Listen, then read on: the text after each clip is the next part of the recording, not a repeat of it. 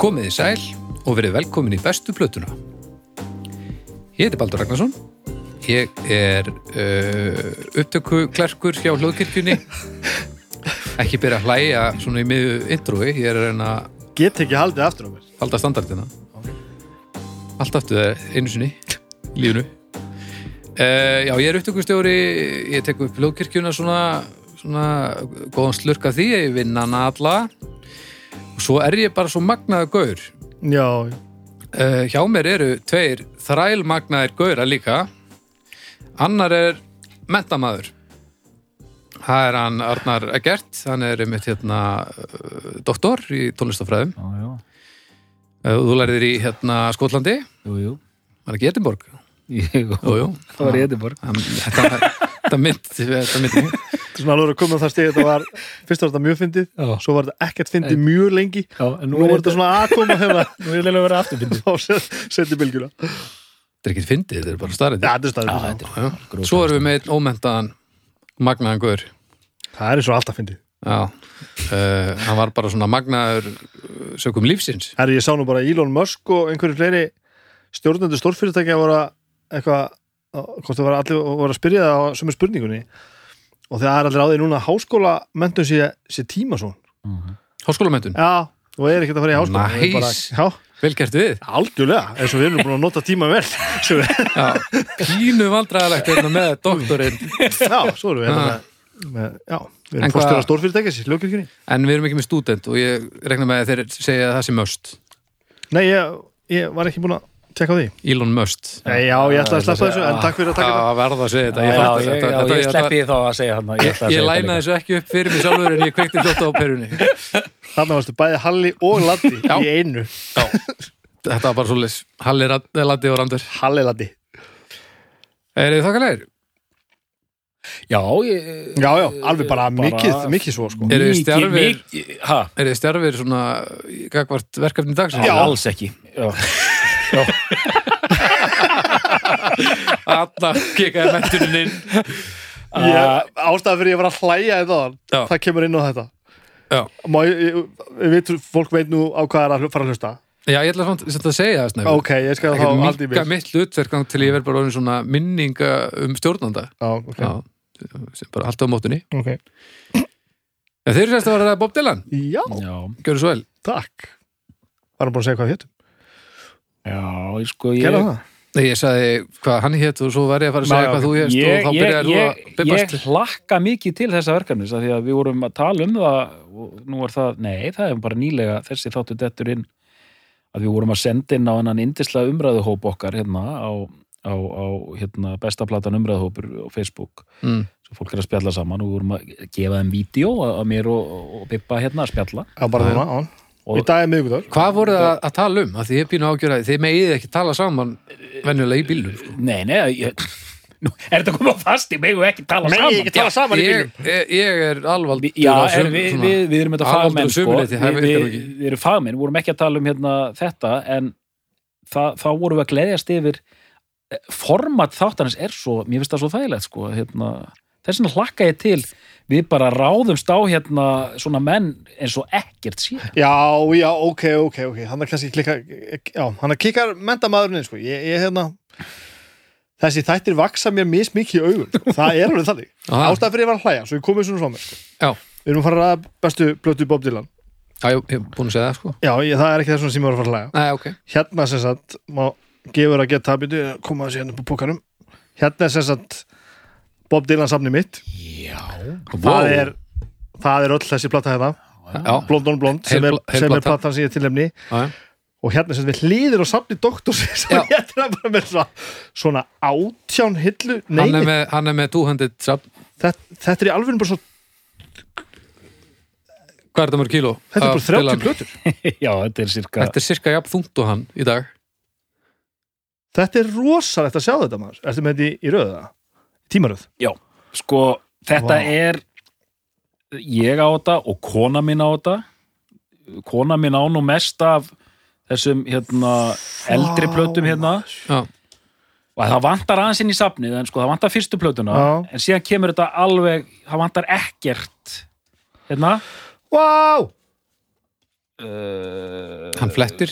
sem kemur þetta bara hérna allt 70 straslið eins og að leggur sig hérna. Bloody Blood on Tracks uh, þessi, Desire Street Legal Hann er að þú ekki, og síðan er hérna fyrir við inn í 80s og allt þetta Já, já. Já, já, já, Þetta er svaðalegt að sjá En síðan stoppar þetta, þetta er síðan, þetta, þessi er frá 90, 90, 91 Já. og þú þetta er að Þetta er ég nýtt, já, á, já, já. Law and Theft Já. og þessi líka, Shut on the night ja, þetta er bara svona, Myndirðu drepa Vá, mig ef ég maður. myndi stokka bunkan? það færi, færi maður svona uh, vægt fyrir hjarta, sko. Það er frekar um að myndi fara í bunkan og, og setja villsa plötu í umst, villast umsl Já, alveg fara að ruggla öllu. Þannig er þín London Blond já. Já, hún er ekki alveg ja, snjáðari heldur en mína því að mín er nú bara, sko ef að byrja að tala þessu mynda Já, hvernig væri það? þetta er mín er hérna endur útgáfa af þessari, því að þú veist, ég séð útgáfa sem er ekki svona, þetta hérna að því að hún er displayið svona. Mm hún á, og veist, ég hef séð plötur það sem að hérna eru með svona einhverju svona einhverju svona portréttmynd á það sem að eru settur á hlið, sko. Og þetta, svo svo hérna hlustundur átti svona á um hvað um hva ræðir. Þá er, er myndin hérna og þessi fræga úrfókusmynd af, af Dylan það sem að sést svona niður undir gerifastur hann er endur í frakka og með trefil þannig að sést nú ekki gerifastur Það er ekki það kallt en gatefoldið er sem sagt sko þetta er tvöfulplata og hún opnast ekki til hliðar heldur niður. Og þá sér maður sko restina af frakkanum sem eru sagt á bakliðinni sko. Já, og ég var að hugsa um þegar ég kefti mína sem er algjört nýja, nýjaldar hérna, mín er alveg nýjaldar hérna, Þú fær aðra myndir. Heyrðu það er ekki samu þetta sömu myndin þar í Ó, gatefold svona plata. moly. Ekki saman ég í- Sýndu mér inn í þína það eru, hérna, það eru sumar. Sumar myndir það eru Já, sama hérna öðru megin, ekki hinum megin. Já, en já, ég var hérna hrættur um að hérna, er hrættur um, ég var að velta fyrir mig að þetta var eitthvað nýjaldar djók hérna að hérna að hafa þetta svona á þessum, þessum endurútgáfum en þetta verðist vera bara orginal. Orginal. Þetta er flott. Þetta er flott. hún er flott sko. Flott mynd á hannum Mjög flott. Já, óskilnætt hún hafi verið valin af því að hún er sko fullkomlega úr fókus. Já, hún er mjög úr fókus sko. Og var vist aldrei í fókus sko, ljósmyndarinn bara Reyndar- hann vildi ekki nota hana og, og, og ljósmyndarinn, nei, Dylan sjálfur bara, jú, jú, jú þetta er myndin. Það þetta er alltaf að fara á myndin. úr fókus á þessu Nei, það er allt úr fókus á þessu mynd nema kjálkin á honum. Kjálkalínan er alveg Já, til alveg fyrirmyndar Og ríkalega nettur á þessari mynd sko. Hann er- er típa, þetta er típa. Þetta er típa Þetta er típa Það er það sem hann er bóhem. Hvað hérna Já. viljið þið gera? Þetta er hérna, þetta er rosalegt verk sko. Já, já. Nú hérna. Þetta er CBS mín er mert Kolumbía sko, sem er alltaf sama en þú veist. Ég er að hugsa um að, nálgast Ég vil að við nálgast þetta svona. Eh, Niður með hundina, dóttir, þú ert ekki, já. þú ert ekki í námi núna. Ég ekki Já. Eh, uh, Atkvæðisréttur hérna. uh, Við ætlum að byrja á því að Bibbi segir okkur uh, aðeins frá því af hverju hann valdi þess að plötu. Svo færi okkur yfir í þig, þig dóttor. Og þá uh, segir þú okkur aðeins bara þína nálgun og svo erum við að fara svona mjalla í gegnum það sem að, að þú og þið þekkið og vitið og viljið koma að um, um Bobbin Ég vil endilega þegar Bibi er búin að segja frá Já. Ég vil að við tökum hraðferð eins og með, við gerum með báði sko. ég var að fara að segja eh, það gleður mig mikið að heyra það af því að það lettir á mér aðeins hérna en hérna mér langar nú samt Hraðferð að hérna að rekja mig samt svona ástæðan kannski fyrir því að ég er með þessa plötu sko. Ég þarf eiginlega þá svolítið að byrja á byrjuninni sko. Nú, nú. Og ég ætla að segja það alveg strax. Mm. að ég hef alltaf verið á Bob Dylan vagninum en ég er mjög langt frá því að vera superfan. Ok. en að því sögðu og ég var mjög ánað að því fór að undirbúa mig fyrir hennar þátt þá virðist ég hafa heyrt eiginlega allan fyrirlin og við skulum þá bara opna það, þá grifi núna. Að við erum að tala um Já. 39 breyðskjur á ferlirum Já, það er, það er mikið. Það er mjög mikið. Djöfull, er það mikið? Það er helviti stjöfslatti og það er það, og, og, og það er mikið substans þetta er, þetta er mikið og þetta er bara, þetta er bara stanslaus vinna sko. En sko ég eins og ég ger oft með, með þetta ég passa mig svolítið á því að vera ekki hérna að- að- að að því er undirbúmi fyrir þess að þetta sérstaklega svona þætti sem ég veit ég þarf að undirbúmi svolítið fyrir eins og þennan Mm. að vera ekki alltaf mikið að aðtuga hvað öðrum finnst Mhm. svo að sé ekki að lita mína skoðun á þessu Já. en ég held að ég viti nú samt nógu mikið til þess að vita það að 60-sið er nú talin vera blómatími Dylan Mhm. það er það sem hann hafi mest áhrif hann, hann, hann er fættur 41 í Minnesota og flutti til New York kringum, kringum 60, bara rétt um 20 til þess að spila músík mm. og einhver sagaði til hann hafi, hann var ægilegu út, út í Guthrie maður og reynda meira hann var alltaf Presley aðdáðandi og, og, og hérna Little Richards og alls, alls, veist, alveg svona auglust hvað hann kemur sko Mm. talaði um að hann hafi verið mjög svona rock-oriented sem, sem batna unglingur sem kannski síni sig ekki alveg strax þegar hann byrjar að gera tónlist sko. Þetta er svi- svipað eins og með Megas að hérna, fólk heldur alltaf að þetta út í göðfri og þetta þjóðlega hafi verið hérna aðalmálið en bæði hjá Megas og Dylan þeir eru rockarar fyrst og fremst sko. já, það já, er já, það sem tekkar og, og, mest hjá þeim sko.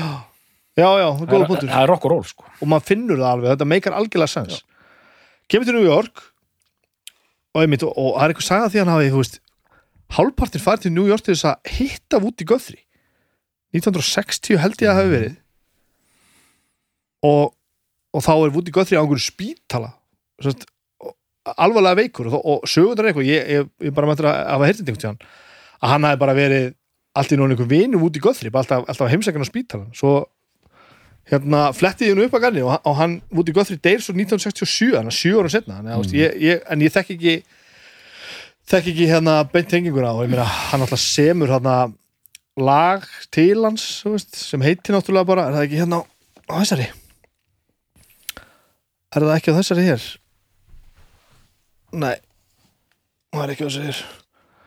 Góð að sagja mér. Keikusaga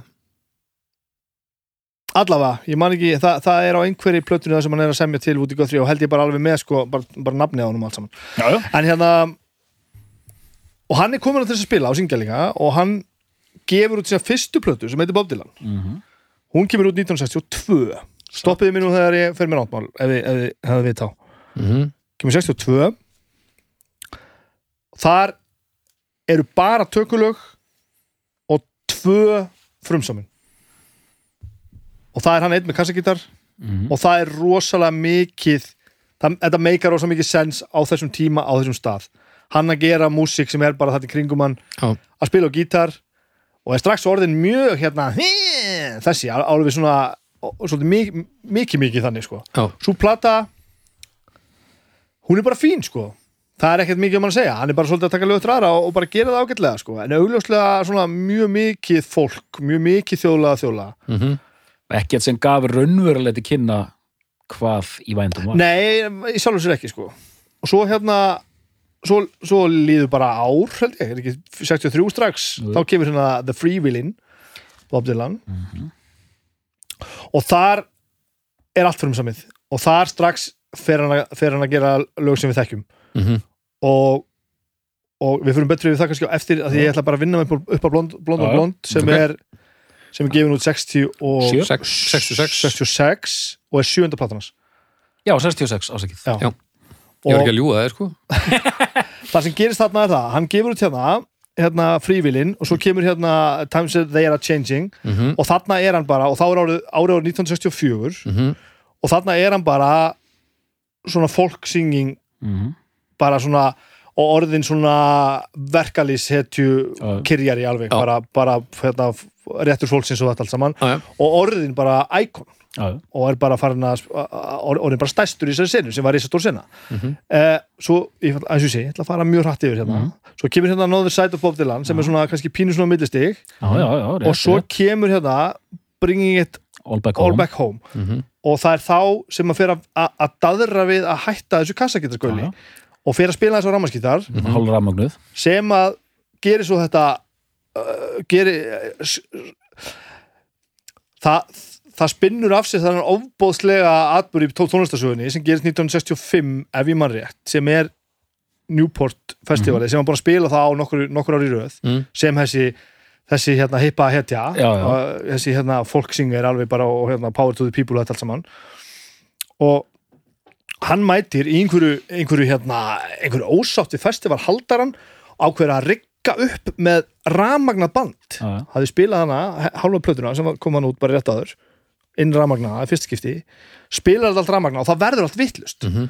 og bara Bob Dylan að spila rafmagnað og þarna bara verður allt þarna bara fer allt á hliðina og fólk bara hattar hann þessi bara, hann er bara svíkja málstæðin, svíkja fólkið og eins heyrist á textunum að þú veist, hann, hann er ofbóðslegur hérna, frelsisingari hérna til að byrja með, Já, en já. það er farið að hægjast á því já, já, og þarna kemur minn Dylan sko já, já, já. og það er þetta sem ég fíla bæði náttúrulega punkarinn og svo, eins og þú ert að segja sem opnar svolítið auðvitað fyrir hjá mér núna að auðvitað er hann svo mikið rock í, í rætuna sko. þarna finnur hann sér heim, heima sko. og svo kemur bara Highway 61 Revisited og bara like a Rolling Stone og Já. þá bara fær maður bara svona ok, ok, ok, ok, ok þetta er hérna allt saman, þetta er alveg meistaralegt og svo plata er 66 mm, 65 Já, er 65 já. Blond on Blond sem umræðir hún er 66 Já. og eins og Highway 60, 61 Revi- Revisited er frábær. Og hún er mér finnst hún frábær sko. Já, hún er- er geðvik, þá, frábær. þá masterar hann þessa snild á Blond on Blond. Og þar er hann bara orðin bara, bara full on, bara svona mótþróa rockari með líka bara svona það er pínu svona, ég ætla ekki að segja fýblagangur en það er svona komið eitthvað svona carelessness, það er Já. komið svona að ég hætti þið nú, hætti þið nú, slaki hérna á hún heiti Blond on Blond og, bara, og það er smá svona og nú fyrir ég fram í tíman, það er smá svona Tom Waits feelingur á henni Já, nú nefnilega fórstu fram í tíma og það er svo, það er svo, það er svo fallegt sko. uh, og svo, svo ég kannski klárið þetta Mm. það var platan á eftir John Wesley Wesley Harding sem við þurfum að tala sérstaklega um á eftir hún er briljant líka mm. þetta finnst mér að hún er frábær og þessar þrjár The Run, Mhm. Highway Blond og Blond Mhm. og, og John Wesley Harding e- þetta eru, þetta- þessar platur eru svo, eru svo innilega frábæla góðar Mhm. og mér finnst bara Blond og Blond sé toppurinn Mhm. Highway er á leiðin upp, Blond er, Mhm. er toppurinn og John Wesley er bara á leiðinu niður en að því sögðu er þetta allt frábært um, eftir þetta við kannski förum betur yfir þetta en þarna náttúrulega þurfum við að tala um, sko, um, um blues og country og gospel og 80s og allt, allt saman og hann er náttúrulega bara gera allan fjandan Já, en, þi- og, og, og, og, og gengur í bylgjum og ég veit ekki hvað ég á að segja mikið núna því við ætlum að fara yfir fyrirlin en, en sko þetta þetta er toppurinn sko. Og Já. þetta er, þetta er tvöföld plata það var eiginlega ekkert búið að gera þetta áður sko. Hún er bara ógeðslega löng. Fjóruða hliðin er eitt lag sem náttúrulega 12 mínútur Mhm. sem bara enginn hafi gert sko, það skildi þetta enginn sko. Og honum er bara drull Já. og þetta er geðvikt hérna já, Baldur Já. hérna ég held að sé langt best að gera þetta eins og við gerum með Bái og ég held að þetta tekið sjö mínútur með Bái sko. Já, ég man ekki alveg hvernig við gerum bái þá að það þú flettir bara gegn sko. Já, já, já, já, já. Bara stú, stúdíóalbums stúdíóalbums, við skulum, vera það sem, er, eðlilegir. það sem er ekki stúdíóalbús við þurfum að tala samt sér um það sko. já, er, já, ég var búin að gleyma því, við ætlum líka hérna, lustum góð, við ætlum að fara yfir allar bootleg-series blöðuna líka. Þetta er svo mikið sturg sko. Það er svo, við erum að tala um það ný, sko, in the 90s byrjaði á þessu. Að gefa út það sem heita hana, Bob Dylan Bootleg Series Mhm. Og er ekki rétt um mér, það eru bara outtakes og, og live stuff og bara svona þetta sem tilfellur, bara sem er ekki á á, á, á breiðskífunum og svo leiðis þeir eru farin að setja sko dæmis, hann fór í Tour 75 sem kom út undir bootleg-series nafninu Já, kom út mjög voldug endurútgáfa af self-portrait undir þessu bootleg-series dæmi og það er oft sko bara svona mor hérna afgangslög og svona í kringum the Tracks og bara svona það verðist vera rosalega mikið til hérna í in the vault sem svo sagt er í geimslónum sko. og þetta eru bara orðanast í 20 plötur sko. það, það, það er nú Það er og, bara- og gefin út frægur konsert sem hérna Royal Albert Hall hérna konsertin 66 þegar það er öskrað á hann hvort það var 65 eða 66 það sem er öskrað þarna Judas það fræga dæmi. Já. bara í beinu framhald þessu Newport dæmi Já, bara, og þá er hann hann með The Band, Robbie Robertson og félaga. Og þetta er svo flott sko að, hérna, og hann er að fara, hann er að fara að telja í læka Rolling Stone. Og kemur bara svona, það kemur svona heckler. Mm. Judas, heyrist mjög stert Judas! Og kemur hann. I don't believe you You're a liar. Og séðan heyrist hann svona kallar svona Robbie play fucking loud. Og séðan bara like a rolling stone bara, bara eins og Cannibal Corpse sé að byrja að spila sko.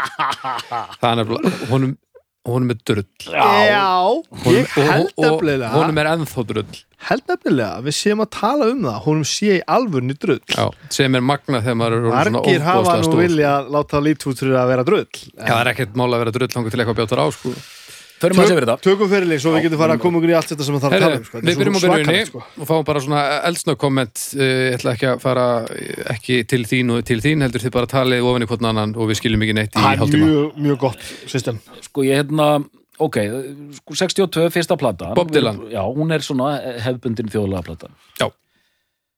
uh, Þa, þar er hann, til að setja samingi þar er hann 21 árs Já.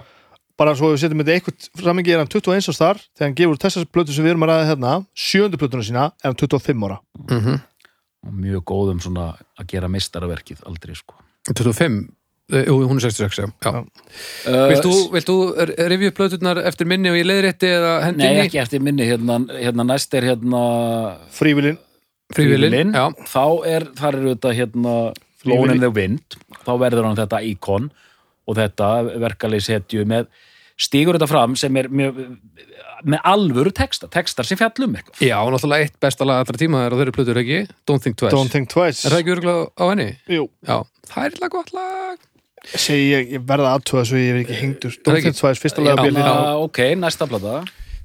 The time they are changing. Hann heldur bara áfram í þessu og er svona, svona þessi mótmæla söngvari og, og hefur mikil áhrif sem slíkur. Mm Alltaf mínum huga eru þessar plötur, plötur mjög linkaða saman. Mm, næsta. Já, næsta er hinn hliðin á sama ári. Já, já, Another Side of, of BD og hérna, og, og, platan á eftir Another Side?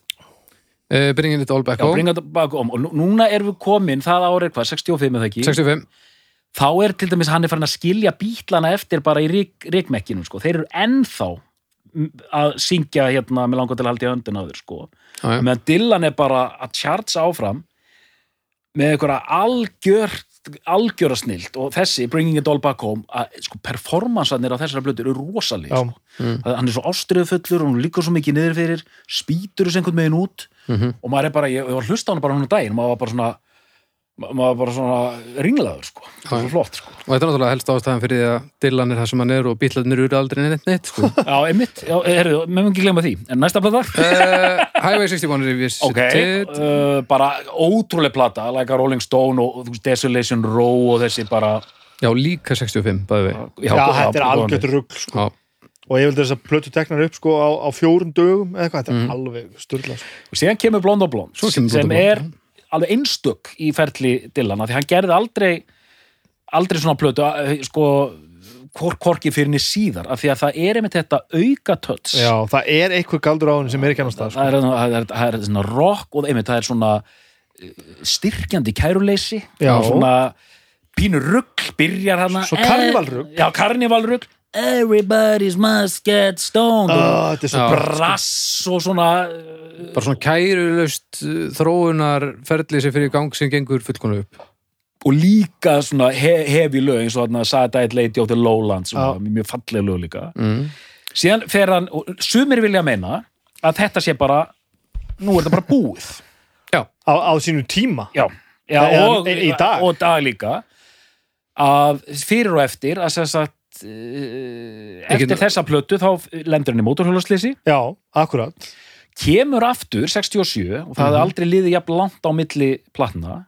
En kemur Já. með plötu sem mér finnst einmitt stórkostleg. Ok, gott, ég held þú ætlar að fara að segja eitthvað annað. Okay, nei, nei, nei, hún er frábær hún, hún er, en hún er allt öðruvísi. John hún er Wesley Harding. hérna En það er samt einhver, einhver tenging á milli þarna sko Kannski er þetta huglagt hjá mér, ég veit það ekki ég sko allavega áferðin á þessari plötu er svona við erum að tala um John Wesley Harding. John Wesley Harding, Já. þetta er svona al, alþýðu, alþýðu pop, rock, mjög svona hún, hún er mjög svona strömlínulögur Hún, hún er, meira- hún er já, og svona, hann er svona rólegri og svona, þetta er svona aftur í ræturnar fílingur yfir plötunni mm -hmm. en síðan auðvitað Já, eins og segi, það er búið að skrifa öruglega sko nokkra bækun hverja einustu fokkings plötu sem Dylan hefur gefið út já, já, já. maður er búin að lesa þessar greinar er koma greinar í Mojo Record Collector hérna og þá bara verið að tala kannski með eitt lag og John Wesley Harding á tíu síðum Já. og ég hleyp út í bókabónu til að kaupa þetta sko.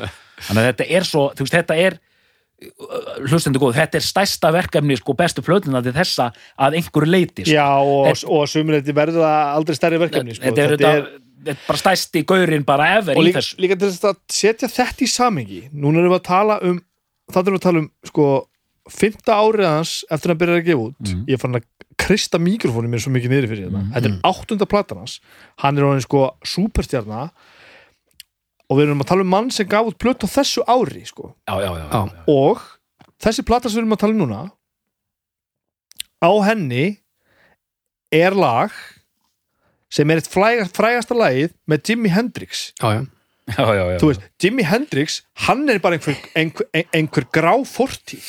Mm. ekki miskila mig. Ég er mikill Hendrix maður og, frábært og relevant og, og, og undan sín samtíð og, og allt skilur við en All Along the Watchtower sem margir halda náttúrulega bara að sé Hendrix lag sko já, já, það er á áttundu plötunni já. með Bob Dylan og hann er ennþá bara going strong þú veist, þetta er eitthvað svo þetta, þetta er eitthvað svo twisted sko. Mm. eins og þú veist að segja, við erum að tala um mann sem svona einhvern veginn skildi bítlan eftir í ríkin þetta er, hvað, þú veist, hvað eru við þetta já. Hérna, þetta er svo brjálað sko.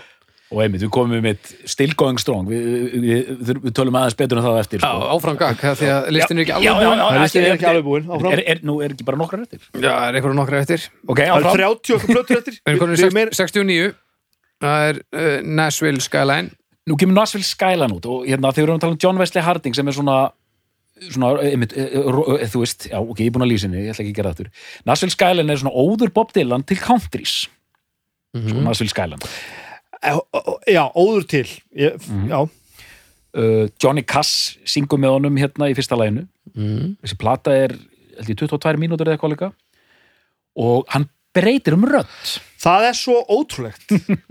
Og það er óþróndi ég á bara mjög erfitt með já, já, já, veitu, hvað er hún? Hérna, þetta er ekki hægt sko.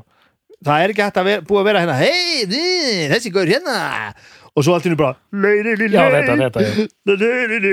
það verður eitthvað pældi svona, ég- svona country crooner eitthvað svona alveg óþróndi Fælið ef að Megas myndi bara að gefa út plötu og syngja svo Valdimar eða eitthvað Já, hún er, hún er, hún er, herrðu, herrðu, hún er ekki hérna, hún var á fónunum Já, og, herrðu, og, og, og, og hann er bara alveg svona já, mitt geðveikt lag sem er hérna duetta þarna fyrst hann og hérna, Hvað lag er það? Aftur? ég maður ekki eins og hvað og hún heitir. er hún, og Nashville Skyline, hún er svona rosalega ég ætla að nota þetta orð, hún, er- hún er létt hún er það, og- og, hún er bara svona, svona Já. country feelingur einhvern sko. og þú veist, ég get hlusta á þá plötu bara stanslust, sko, það er bara einhver andi henni sem bara svona, fer þetta ekki töður á þetta? Ég er- ég er greinilega komin yfir það, sko. Vá, til hamingju með það. en ég skil, skil mjög vel hvað hann er að koma. Þú þurfti doktorsgráður til að komast yfir þetta. Ég, ég á mjög bátt með þetta sko. Við erum konin til 1970 Já, Þar erum við með tvær plötur, Self Portrait og New Morning. Þarna fer nú eitthvað að hrýna saman. Sko, self-portrait það er uh, löngum, hefur löngum verið talin lélegasta plata Dylan Mm. fyrir og síðar. Ég held að sé allt í lagi að halda því fram. Og þar er hann að syngja tökulög og þetta er ykkur svona live útgáfur. Og- með þessu. Og mjög og þú veist fyrir Dylanistana þá er þetta rosalega erfitt að þurfa að neyða sig til að eh, reyna að sannfæra sem að sé eitthvað spunnið í þessa plötu. Já, og þú veist ég er bara, what, ég segi bara whatever sko. Ég er ekkert ég er ekkert að fíla hana og ég er ekki ekki að fíla hana. Mér er eiginlega Ekki hattur ég er bara eiginlega dálit ég, hugumyndi plötan er bara eins og hún er. Hún er einhvern veginn bara svona "Bíddu, hvað hva var þetta? Og hann sagði mér sér sjálfur að þetta hefði bara verið hann hefði viljað rústa dálítið góðsögninu sko. Já. þessari Hvað, bara, hörmung. Já, ég trúi bara alveg ég trúi bara alveg þessu. bara Ég vil vera búin að skýta á mig. Já, bara, ég ætla, ég ætla Nei, setja ég veistu það, ég held að þetta sé drullgörinn Mér langar bara að gera eitthvað svo drasl og svo Já. bara gefur hann út og bara þetta getur skemmt fyrir Já, það- það, er, það, er, það, er, það er útgáfa af like a Rolling Stone sem hljómar er svo skúter í prúðuleikurinn sem að syngja það sko. Er- Nice. Er New Morning, New Morning. Það er bara svona venjuleg early 70s Dylan plata. Nú eru við komin í La La hérna Já, nú kemur lalagir Já, áfram, uh, Pat Garrett and Billy the Kid 73, Það er þetta er soundtrack. Dylan, En hún er líka, 73 líka. líka sungin með, með krúner röddinni en svona, það er svona soundtrack fíl í henni sko svo er Dylan Já, Það og- kemur hann tilbaka Er ekki þá sem hann hættir að að- og fer að jarma aftur Nei, nei, nei, Dylan er sem sagt, það, er bara samsafna af einhverju drasli sko. Já, það er platan á eftir sem hann er hérna Já, já, já, já, já. Dylan, er, það, það er víst sko, ef, ef, ef, ef, ef hérna self-portrait er léleg þá er þessi Dylan hún var gefin án samþykis hans af einhverjum afgangsdrasli sem komust ekki eins og inn á self-portrait, þetta var bara eitthvað svona Hvað erum við, 73 þarna? Já, já, mínus ein stjarna eða eitthvað líka. Ok. Ok, það er hann þessi Dylan. Það er óbyrlegt uh, Planet Waves 74 Planet Waves sko, nú er ég hann er allan að fara að syngja aftur hérna svona eðlilega og bara allir sáttu með það. Ég man ekki alveg hva, hvað hún stendur sko. Þetta er the band með honum Já, og, þetta er svona þetta, nú er þetta að hérna Þetta er platan með hérna Forever Young uh, sem er fyrsta lag Forever Young er fyrsta lag sí, síðasta lag á A-hlið og fyrsta lag á B-hlið. Og það er hratt sagt, hægt í fyrir útgáðinu og hratt á setni útgáðinu þetta er svona að fara að vera þólanlegt aftur. Já, uh, þá við komin í 75 Blood on the Tracks. Já, sko, Blood on the Tracks það er af mörgum talin vera besta plata Dylan fyrir og síðar. Hún er frábær. Hún er bara algjörlega geðveik og það er svona sár skilnaðarplata og ansi mögnuplata Ok. Já. Sama ári, kjallara teipin Basement Tapes, já, það er rosalega flott stöf tekið upp 67 mestum hluta með band já. og bara ótrúlega flott fíl í þeirri plötu Það er ógeðslega skemmtileg plata Mm. og, svona- og, og það er svona það er eins og þeir hafa, hafi ekkert verið að pæla í hvað myndi verða um hana Þú veist, þetta Já, bara svona, já, já. eins og þeir hafi bara ef við ekki að hittast og gera eitthvað þetta er svona flæði. alveg þannig fílingu sko, Bara og það flæði. steinliggur sko, ógeðslega skemmtilegt mm. 76, Desire Já, Desire, hún er það er alveg stórkostlega plata sko. hún, er, hún er frábær. Það, oft talaðan þessar tvær, Blood on the Tracks og Desire og það vilt svo til, Desire var á, til á mínu heimili, eina Dylan-platan á mínu æsku heimili, já, flott cover, flott cover ég, ég man ég og bróðu minn flott mynda á honum hann flott mynd, við heldum alltaf að þetta væri einhver hérna, hérna þetta væri, væri einhver Mexikói legendary cover sko, er bara, svona, maður var ekki alveg, er þetta Dylan eða er þetta einhver Me Mexikani eins og maður sagði í gamla daga? Mm. og við hlustuðum sem bara á þessa plötu, þú veist, hún er kornungir við bræðinir og fannst hún svo skemmtileg Mm. það eru tvö mjög þung svona pólitísk lögana, Hurricane og Joey sem Já, eru svona ótrúlega fl flotti textar og svona dot, dot, dot. Mhm. en síðan eru svona þannig er hann á svona suðurænum slóðum getur við sagt í mörgum lagana fiðlu og, og, og, og alls konar flip spyr ég nú hérna af af pínum vannmætti og Mm. vannkunnáttu og, og vannþekking og, og, og minnisleysi Mm. er Hurricane mögulega síðasta svona monster stóra lagið hans mm. Gæti, já, gæti verið sko hvenær er nokkinn á Hemistór? á hvað plötur áttur? gott útvarp Já, ég veit það, og ég, ég, ég, veistu hvað ég sé fyrir mér? Ég sé Guðmund Andra fyrir mér, ég sé Þorgeir Tryggvason fyrir mér já, og ég sé svona 20 manns í viðbót bara, ó, þessi, þessi Já, já. þau veit ekkert En höldum áfram. Uh, Þið vilja halda áfram, já? Já, uh, þá, við getum tekið uh, eftir Desire kemur uh, Street Legal, Street Legal er svona nýja plata, finnst mér. Tveimur árum síðar. Mm og þessi plata var til í öðrum hverjum bás í hérna kólaportinu og já, já, alveg legendary. Svo kemur Slow Train Coming. Þarna er hann orðin Kristinn. Þarna snýra frá já, Sa- hann er náttúrulega- er fættur gyðingur sko fættur gyðingur og þarna bara, þarna bara snýr hann sér að kristni. Það er bara alveg þannig. Fyrsta lagið heitir You gotta serve somebody. Já, It may be the Lord and it may be the devil But you gotta serve somebody. Hvað sagði þetta, þetta út úr? já, já, og þa þa þarna verður hann mjög svona hann verður mjög augljóslega kristinn. Það er sko að segja það sko. Já, en að það er svo kannski helviti sérstaklega þessari hérna. Þetta er alltaf, þessi þetta cover á er já, þetta er svolítið þetta er alveg Mér sé að Cave hefur ekki farið þangað sko. Nei, Já, gott að sinna hás Það er nú svo sem ekkert mjög svona já undir rós Þannig að við getum tekið, sko, Slow Train Coming, Saved og Shot of Love, þetta er allt, krist, þetta er svona kristilegi þrýleikurinn. áfram í já, þessu að kann, svolítið, mitt, talaðu þetta sem, sem bara þinn Já. hinn kristilega þrýleik Já. Infidels Heyrðu, hver heldur að sé mættur á svæðið hérna á Infidels?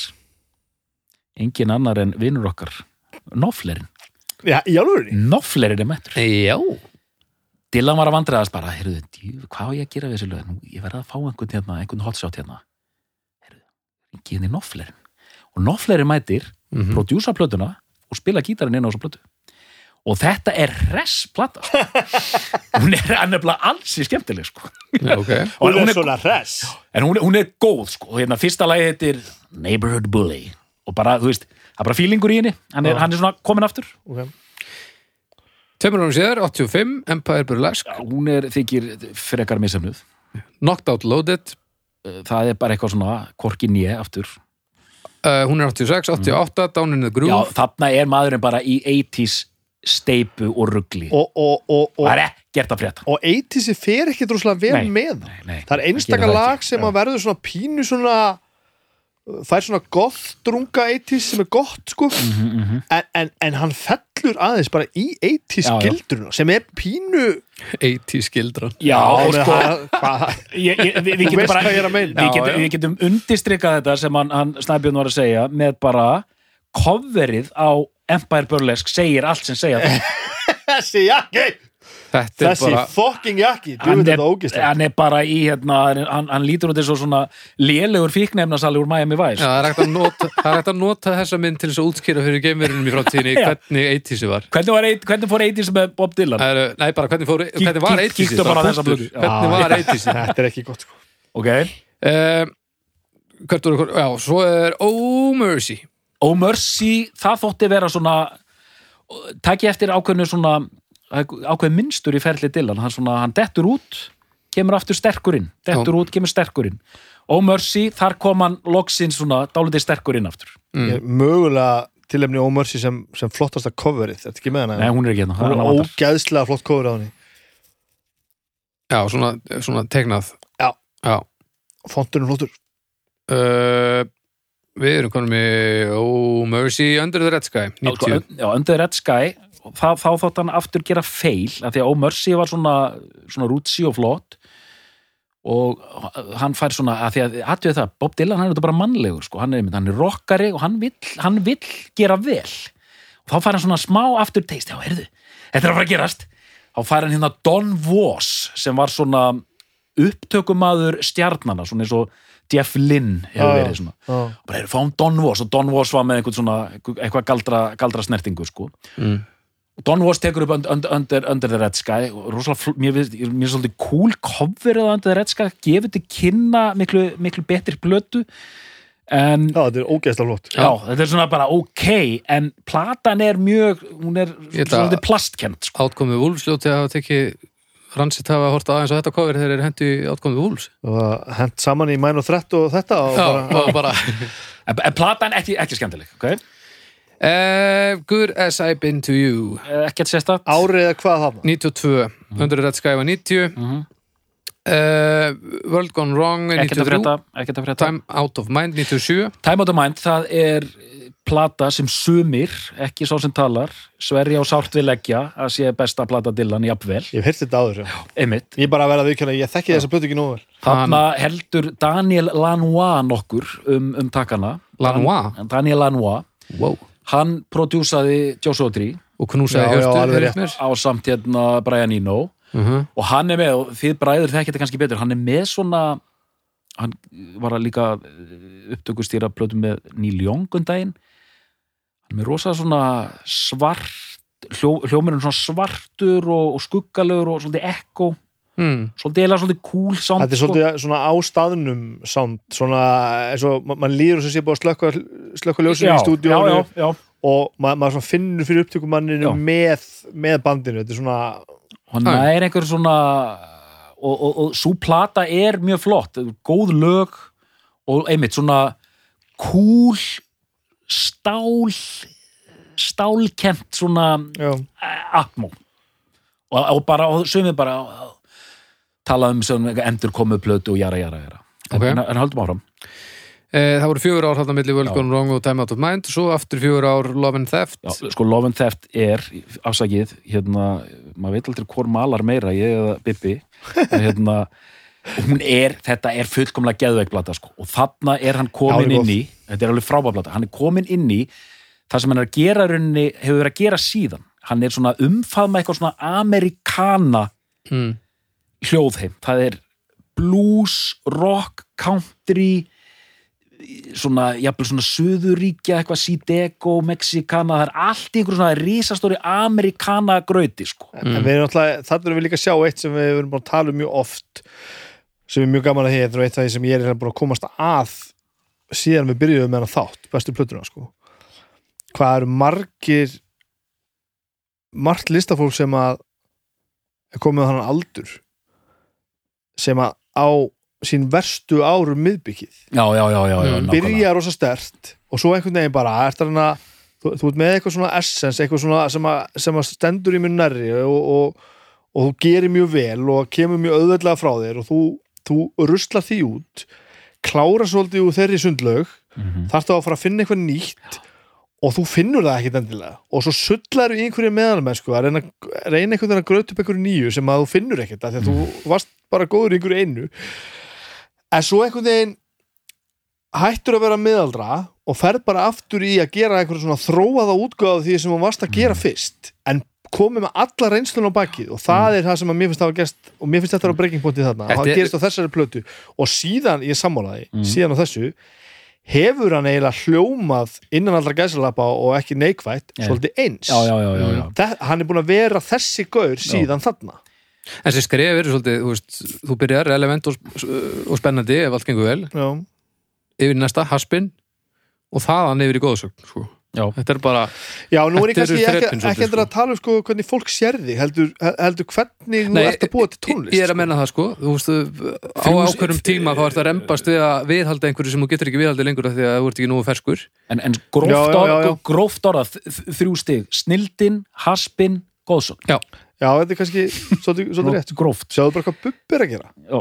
hann byrjaði frábælega, gerði einhverja mannaski strullu í mörg, mörg ár Já, og núna er hann að gefa plötu sem eru bara drullu fínar sko. já, nokkulega En hérna, ég sagði og verður sér oft bara meira það og bara nesti og bara snild sko. ég sagði á einhverju þræði, sko, það er bara Nobelskáld sem byrja plötu á því að segja Tweedledee and Tweedledum.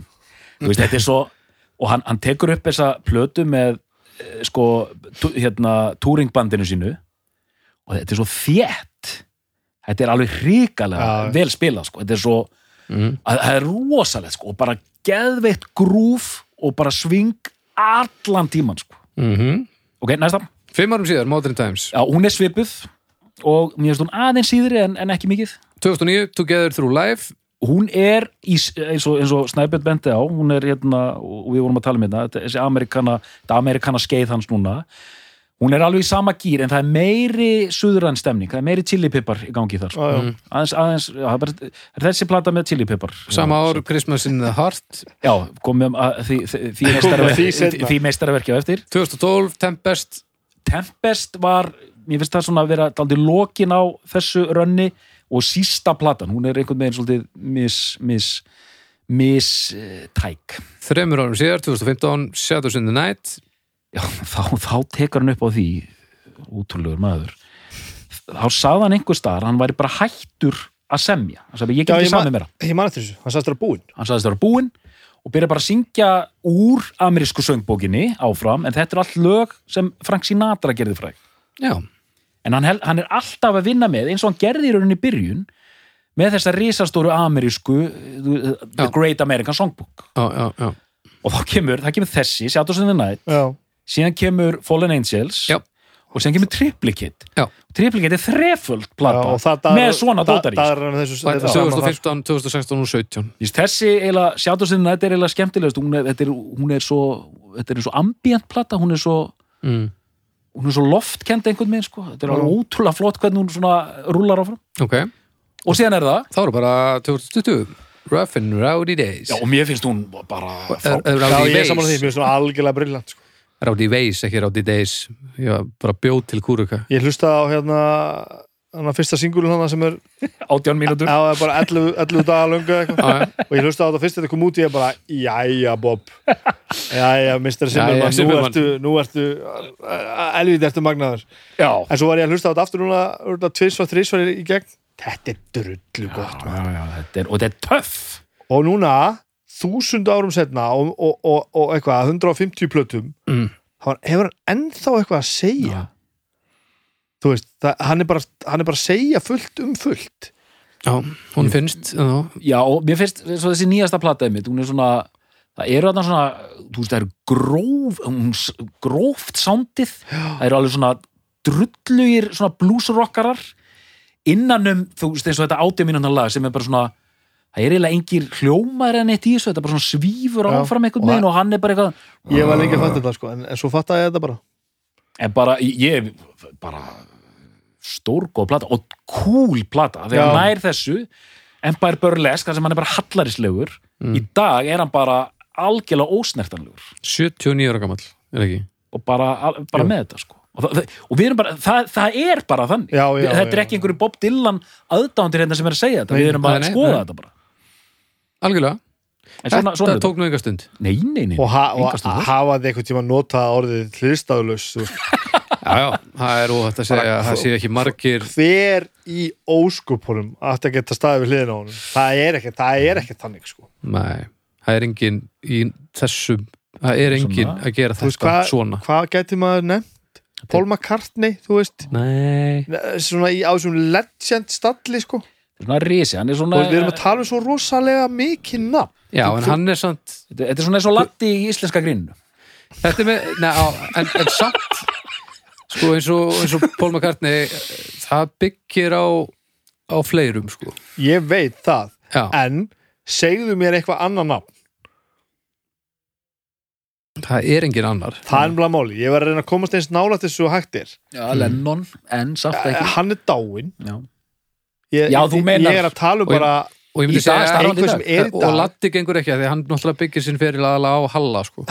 sko það er þetta stór munur á, á, á ég ætla bara að segja það strax, McCartney og, og Dylan hann er þessi, Dylan er cool, McCartney er ekki cool vissulega Já, og veist, ef við erum að tala um við, við gætum fara að tala um Cohen og, og, Mm. og, og það sko jú, jú, jú, jú, þú veist, jú. við gætum farið þarna eitthvað sko. já þú veist, það er alveg hægt að segja kass og eitthvað svoleiðis en, en þetta er bara við, það, þetta er annað það sem Dylan auðvitað gerði, hann sko, eiginlega, ég myndi ekki segja að Cohen hafi náð því, hugsa maður um þetta hérna saman, bræður, að hérna Dylan auðvitað breytti já, það er svona er ég að segja það er ekki hægt að segja Já. neitt, það, það, þetta er algjörlega hlistaðlust það er ekki hægt að tala um neitt annan sko. hann er fyrsti maður sem kemur inn í sem sagt, popular music, dægur Mhm. tónlist með texta einmitt svona alvöru texta þarna fyrst og síðan svona fer hann að gera sem er svo stórkostlegt, svona blond og blond og svona súrealískir, persónulegir furðu textar Mhm. og einmitt, svona, svona ljóðskáld sem þú veist, einhvern veginn lappar inn í þetta, þetta form og er, og ég elska að segja það þú veist, mér finnst þetta að vera alveg órofa heilt músíkin og textanir sko að því ég veit að margir að hlusta þetta ég var dálítið stressaður fyrir þetta tíleitinu til ég er ekki bókmentafræðingur nei, nei, nei, svo er það nú eitt. Latur. Já, latur, ég er bara latur. Ég, hérna, ég, ég, hérna, ég skrópaði öllum bókmentafræðitímanum út í Skotlandi sko. Já, klassískur þú. Og hérna, þannig að ég, þú veist síðan er þetta sá maður að því að við erum að tala um hliðstæðuleysi, það er enginn sem fær lengri og dýpri greinar í þessum blessuðu hérna, Nei, það sem er hægt að tala um einn mann sko, ég, bara, það er óskiljanlegt sko. Þá er, er við er, er að láta þessu, þessu, þessari yfirferð þá lokið? Ef að, Hvað? að þú ert að segja þetta þetta, að, að, að, og bjálheðanar að sé að tala svona þú veist, þú veist, hvað er mikið talað um hann? Það er líka vegna þess að það er svo mikið um að tala. Algjörlega. E, sko það er eitt sem hann hefur sem að sem að, í, í, sem að mjög fáir hafa og í gegnum allt sem að kynni sér með hann plötundar sem hann hlustar á e, þessi þessi viðtöl sem hann fennum fækkandi gegn, gegnum árin, hann veitur nú ekki viðtöl nema mjög sjaldan á öll umfjöllun og líka bara skoða hvernig hann gerir allt. Hann er bara þessi gaur. Mhm. hann er ekkert eitthvað að fara í frí. Hann er bara af líf og sál að búa til músík, túra og spila bara alltaf Mhm. og ég held að hann hafi aldrei séð neitt sem er að tala um svona album cycles ég held að hann bara velti sig ekki fyrir sér það er aldrei eitthvað túra nýja plötu eða bara að hvað er langt síðan að síðasta plata kom út hann er bara alla daga endalaust að gera eitthvað Mhm. og hann hann bara, hann, hann bara bara lifir og hærist í þessu alla daga og, og, og, og, og reyður frá sér efni sko. og, og bara þetta sko þessi einurð og þetta þú veist hvern- hvernig hefur komið orðum að þessu? Hann er- ekki gaur sem er í hljómsveit. Hann er bara þessi gaur. Skiljið hvað ég er að já, fara? Já, já, Nei, en það sem ég fíla líka þegar þú ert starfandi listamæður að þú veist, við erum búin að fara yfir ferilinn og þú veist, fullt af veist, mjög mikið af ekki bara góðu efni, heldur líka alltaf eitthvað efni sem umbildir hlutum Mhm. en líka fullt af drasli. Og það er það sem Já. ég fíla. Gott hlutallland mjög gott En hlutvall það er kannski það, partur þess að ég er líka myndi að Já, segja já. það er ekki rítskoðun Nei, nei. hann er bara á fullu Já, já. alltaf hann er bara alltaf að gera eitthvað sko. já, minnir á, á annan íslenskan tónlistamann, sem er engin reitskoðun bara dæla þess út já, já, og bara vel gert já, þú veist, það má segja í mig slett bara já, hann átt að liggja eftir lengur yfir þessu Hva, hvað varst þú að gera svona merkild meðan hann hefði að liggja yfir þessu varst þú að býða bara eftir eitthvað myndi gerast í þínu lífi já, hann líka ræður sko. já, og engin ræður sem meira heldur en Dylan sko. Ég stið svona sem sagt, ég er mjög hrifin af svona nálgun á, á, á, á listiðkun já, uh, sem sagt, uh, punkturinn er að gera þetta. Já, þú veist, get shit done. get shit done. Að því að þú getur talað næstu 30 árunum myndir eins og þú ætlar að gera en, en, en hérna, þú þurftir að gera þetta aðeins betur eða whatever. Mm, það, þú getur ekki þú getur ekki dæmt einhvern að því sem er ekki til. Nei, þú verður að koma þessu út. Þetta er svo frábælega orðað sko. þetta Já, er þetta er nákvæmlega mjög rétt. vel orðað svo en, ógeðslega fallet Já, þessi hræðsla við að vera dæmdur að því sem er til þegar hún er yfirsterkari. Það er svo sorglegt þegar maður þekkir maður þekkir fólk sem á að vera gluð út þessi efni stanslist og það er bara hræðsla við skoðanir aðnana sem að þetta strandar alltaf því. Já, en ég er að spá, sko, ég var að setja inn eh, svona einhver bitbein sko og ég get tala eins um Dylan, hvað eru mínir toppar? Ég, bara endilega, dóttor við erum, við erum ekki konur hingað til þess að sitja á skoðunum okkar. Nei ég hérna, en á einhverjum tímapunkti þá getur þurft að tala með svo plötu. Já. ég er blond og blond. Já, já, en já fá- fáðu sopa og, og, Hana. og, og blond og blond er þetta alveg algjörlega frábær plata en ég, var, ég þurfti auðvitað að hugsa mig um hérna, hvað, hvað á ég að segja sko, hérna eh, ég ætla fyrst að segja ykkur hver er besta plata til hann já hann er aldrei ekki að halda í með moly. það nýtt og það er jólaplata þú ætlar að segja það bara. Ég ætla að segja það og ég ætla meiri að segja hérna, halda uh, ræðu. Ætlar að halda jólaræðu? Ástæðan fyrir því að jólaplata Dylan sem er sko hötuð 90s plata af mjög mörgum, komu 2009 þetta er náttúrulega 2000 og eitthvað. Hún er sér að tekin upp með sama amerikana liðinu og er að gera þessar hérna, Love and Theft og, og hérna og Modern Times. Mm og þetta er mín, þetta er mín rögg mitt manifesto með þeirri plötu. Að, Ég verði nú að fá mig kaffi og í nefið sko. að þarna situr Dylan og maður heyrir það á til dæmis þessum Frank Sinatra plötun sem hann er að gera. Þetta er þetta maður sem þekkir þessa amerísku söngarleið eða hvað við viljum kalla það inn og út.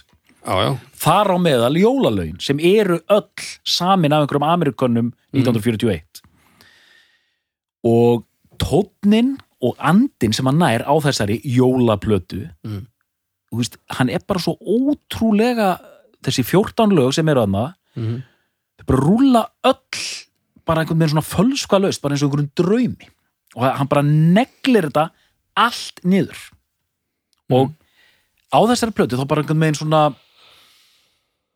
já, fyrir mér er þessi plata reynur töfrar. Og, og ég, ég var auðvitað að hugsa ég ætla að gera þetta og ég ætla að gera þetta og ég er búin að gera þetta uh, Af ég er búin að segja þetta. og hverju er, af hverju er og, ekki þú, ert ekkert eitthvað tongue in cheek hérna eitthvað, ah, þetta nei, er nei, nei, lag." nei, Nei, ég, við höfum átt að samtala og Nei, ég, þetta er ekki grín sko, nei, ég er og ekki að djóka sko. Ég hlustaði á þig og kíkaði kolli en ég nálgaði samtalið svolítið eins og Monty Python þátt. Ég nefnilega í framhald þessu þegar við tókum bestu, bestu jóluplötu þáttinn þá talaði þú svolítið mikið um þessar plötu og ég aðranda þessa þáttar var ég að fara yfir þetta hvað þetta væri og fannst einmitt frekar fyndið að, að já, þetta er hún alltaf bara inn í hérna breiðskífu bunkanum, þú veist. Hún er alltaf bara talin sem eina breiðskifum Dylan, Já. hún bara fyrst að svona frekar fyndið og út jólaplötu, það er bara svona já, já, er það bara eina plötur hann ég fór, tók mig til að hlusta á hana. Og með þess að hlusta á hana oftar en einu sinni. Já, heyrðu, þetta er og hérna, Hlustar hann til þessu? Þú ert er undirbúin hlusta á hana tvisar Þú ert undirbúin Næs eh, hún er svo ríkala góð nei, nei, og, ég, fór bara ég, ég, ég, ég, ég þarf bara að kaupa hana sko, ég á hana ekki sko. Og mér, mér fannst þetta bara að þú vorst að segja að kem ekki njólin nema þessi plata sko, ég sé þetta alveg fyrir mér heima á mér sko, nú bara verð ég að fara að eignast hana á einhverjum snarkandi vínil og, og, og, en, allt sem ert að segja þetta hvernig hún rennur svona flawless hann á svo mikið inni fyrir þessu. Mm. þú veist, hann þarf ekki að er, þetta er Dylan að syngja jólalög og það er bara drullufokkið ykkur, mér er alveg sama svo bara, og það er bara jólasveitni minn, jólasveitni minn bara svona, og það er bara já, já Róbert, það er rétt hjá þér. Og hér talar Baldur Sko- framtíðinni og ég var að skoða tölfræðina á þessu þætti og það var gríðalega margir sem hætti að hlusta akkurat núna. En, en Sko, þegar Arnar fyrir að gráta í já, beinum komið sendingu tári yfir, ég held að Já, vera það Þetta er, þetta er ótrúlega fallegt að heyra svona djúpan skilning á þessu meistara og ég er ekkert að draga, úr, ég er ekkert að íkja neitt sko. Ég Þa, það, að við kenna það þegar ég kom inn í stúdíu í kvöld þá átti ég nú ekki vonað því að allir kemist í jólaskap sko. Þetta, en, en bara gerið það fyrir ykkur sjálf að tekka á þessu. Þa, þetta er þetta er svo hárfínt frá því að vera fáralegt og er það ekki? Já, og það er svo briljant hvernig Ég- er það ekki sko. Já, en eftir þess að ég, algjörlega ég var bara að hlaka til jólana sko. En eh, ef ég, heru, ég bara, já, ég þakka, þakka fyrir þessi fallegu orð hérna, en betur en blond og blond? Nei, hún er það ekki En ef ef við bakum til þessu og förum í venjulegar plötur Bob Dylan, Já. þá er ég dálítið að berjast inn í sjálfum mér, það, er, það væri annað hvort hérna Blood, Blood on the Tracks mm eða Desire og eiginlega Desire rétt fyrir þennan þátt var hún eiginlega að hafa vinningina því að það er eitthvað svona hérna uppeldis hún er svona persónulegri fyrir mig sko. Já, okay. en ég viðkynna það, hún er léttari en, en Blood on the Tracks, Blood, Blood on the Tracks er svona útrúlega upplug plata sko. Mhm. Já. þannig að, já, ég myndi segja Desire. doktorslegra að segja blóðnum traks Já, mjög, það er bara ég kemur mjög vel út. full alþýðulegt að það segja desire. Ég ætla að segja ég, ég ætla að segja hérna ég ætla að segja ég kemur mjög vel út úr þessu þætti ef ég segi það, ég er auðvitað gjörsalega búin að rústa því með jólaplötu hérna ræðunni minni já, já. gráðaðin er honum bara hún er í hættu en segja það, einmitt, það væri mjög maður kemur mjög vel út úr svona þætti með að segja mjög blótbónu traks að sjálfsögðu það er, er meira, það er sjoppulegur að segja Desire sko. ok en ég er einhvers staðar þarna sko. en síðan er þetta blond og blond er þetta alveg ef við tölum nú aðeins um að eh, hvað er að gerast þarna? Ef þú hlustar á fyrirlans upp að þessu þá er náttúrulega mjög auglust að það gerist eitthvað í haustum á honum mm. Mm hann er náttúrulega búinn að taka þetta þetta svo ég segi þetta bara upp á þetta leiðinda kassagita skölsi það er búið að afgræða það og aðrir teknir við. Ekki e- ekki miskilja alveg. Mér finnst þetta ekkert skelfilega plötur en mér finnst þetta svolítið illa að fara með góð lög. Já. Já. Answer my friend Blown in the wind. Þú veist, þetta er auðvitað landmark skilur og þetta er frábært. En hann er miklu betri þegar hann lætur okkur aðeins finna fyrir því. Já. Þannig að þú veist, og, og bara helvítis hipparnir Hippar eru astalegir Hættið þessu. Hættið að vera svona hippar Já. Þetta gerir mig einhvern veginn alltaf í að brjóla hann Það var rosa mikið hattur með að vera kynslu ástarfina sko. oh, Gagslösa drast að þessi rödd passar betur ramagnuð, segir Hann hefur bara meira að segja þegar hann er bara aðeins að drulla þessu út. Og hann herðist einhvern veginn og herðist byrjar á einhverju coverplötu kemur með tvær þarna sem eru bara svona lett, lett með til sig eitthvað já, vind, er það léttmeti? já, eh, já ég meina, það er svona þægilegt áheyrnar Já, en auðvitað náttúrulega er hann veist, að segja hluti sem skipta, skipta máli en mann líður líka svolítið bara svona já, komiði með mér, ég ætla að leiða ykkur áfram og leikskólalegt. Nei, þetta er of pop, pop oriented þetta er of, of hérna svona popular ha- hann er bara svona preaching to the choir sko.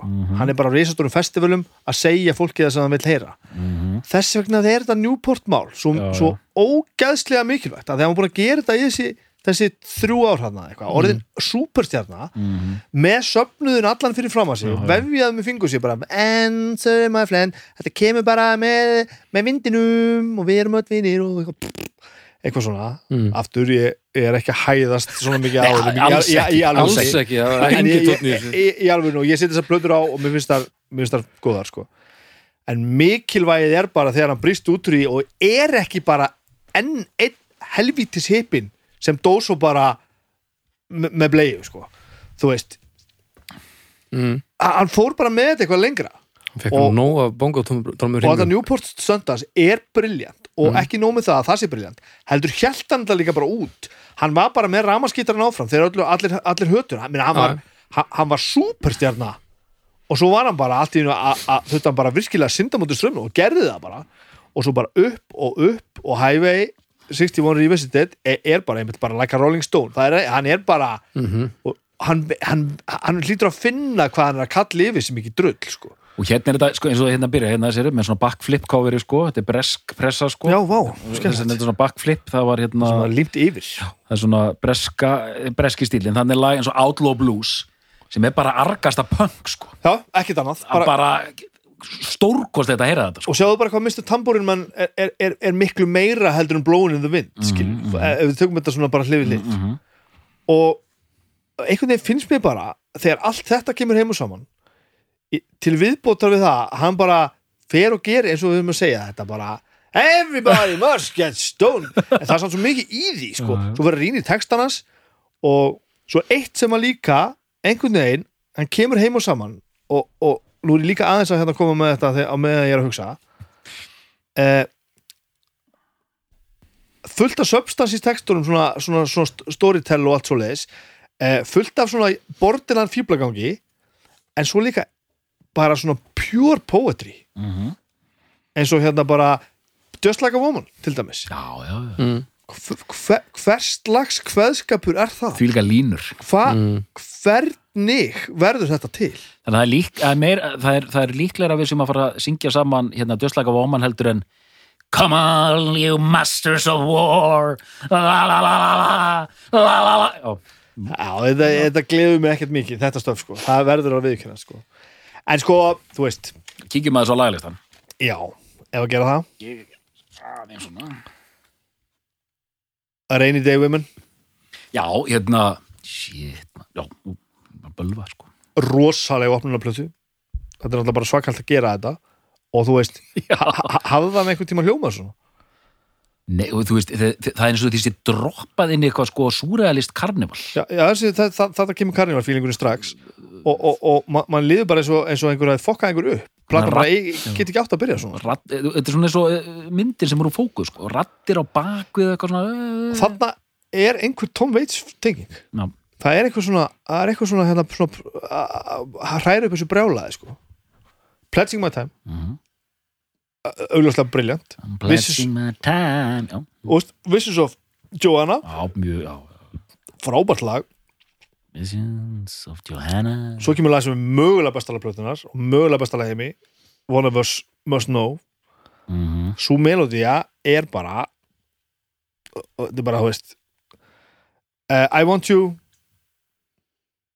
Memphis Blues Again Leopard Skin, Pillbox Hat sem er náttúrulega alveg gjössamlega Það er snildalegt alveg ótrúlega flott lag sko. Just Like a Woman, kemur svo bara þarna og einhvern veginn slær mann einhvern veginn pínu á þessum stað sko. Og þegar hann er að spila þetta efni live með það band, það, þetta er svo rafmagnað og rátt og flott sko, rosalega flott sko. Most likely you go, go your way and I'll go mine. Það er svona og, og temporary like Achilles eh, sko eins og, eins og þriðja hliðin sé svona einhvern veginn hún er svona pínu erfiðust einhvern veginn. Absolutely Sweet Mary Fourth Time Around, Obviously Five Believers. Þe- þetta er svona þa- þa- þa- þarna svona kannski þekki maður þetta kannski bara minnst ég veit ekki, kannski hefur maður sjaldast hlustað á þessi lög. Nei, en hún rúllar alveg sko frábærlega og líka hún þessi, gerir það sko.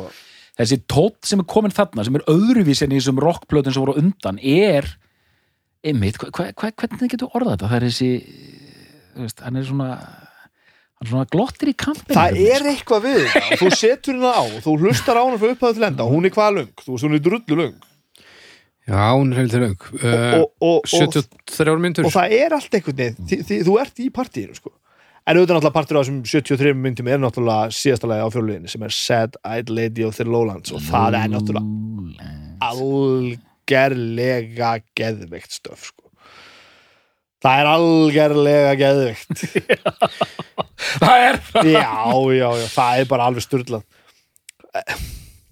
Hvernig kynnistu þessari plötu? mér til dæmis, afsakaðu, mér til dæmis finnst upp á stillanlögin mín eru bara næstu því ekki þarna sko, ekkit endilega hérna já, Mm. þú veist, en þetta veginn bara er já, já, sem hvernig kynnist ég þessu ég held að ég hafi ekkert hlustað á þetta sko ég er eiginlega viss um það að þegar að Júlia vinkun okkar Já. og Yngvi Leifs voru saman Já. að ég hlustað á þetta kárastíðum en sko þessi plata eitt, held ég. Já. það var þetta fullt að Dylan þar. Já. Eh, ég, ég, ég bara er ekki alveg viss um það. Svo tók ég eitthvað svona Dylan tímabil svona, það sem ég svona fór að hlusta bara að því maður á að gera. Þú veist, hlusta aðeins á Dylan fíblið, að því að þú verður að gera en, en ég meina ég fæ þetta ekkert með móðumörskinni, alls ekki. En, en svo heyrðist kannski líka á því hvernig ég tala. Ég, ég er ekkert, þú veist mér finnst mjög sérstætt sko á mínu esku heimili og fólkdrar mínir eru á þessum aldrei það hefði átt að vera fleiri Dylan-plötur Mm. Á bara ein, Desire Mhm. en síðan eitt sem við vorum kannski að gleyma hún kemur út 66 þessi Mhm. og það sem henn, henn hefur líka verið talið til tekna er bara hvað þetta er mikið albúm, fattar þú veist, þetta er bara hún, veist, þetta er ekki lag og síðan kemur þetta lag og síðan kemur þetta lag. Þetta er mjög flott samhangandi verk svona og yfir, þú veist og ég meina Revolver kemur út sama ár sko, þannig eru menn bara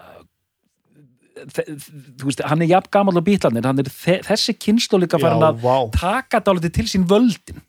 Þú veist það er bara svona, heyrðu ég ætla bara að setja mynd úr fókus. Ég ætla ekki að gera svo þú pappi, ég ætla bara að setja myndin á bara að vera úr fókus. Og, og þú veist bítlarnir með þarna Tomorrow Never Knows hérna síruna og allt þetta. Mm. og ég minna Pet Sounds með Beach Boys kemur líka út 66 þannig að þarna er poppið allt í einu.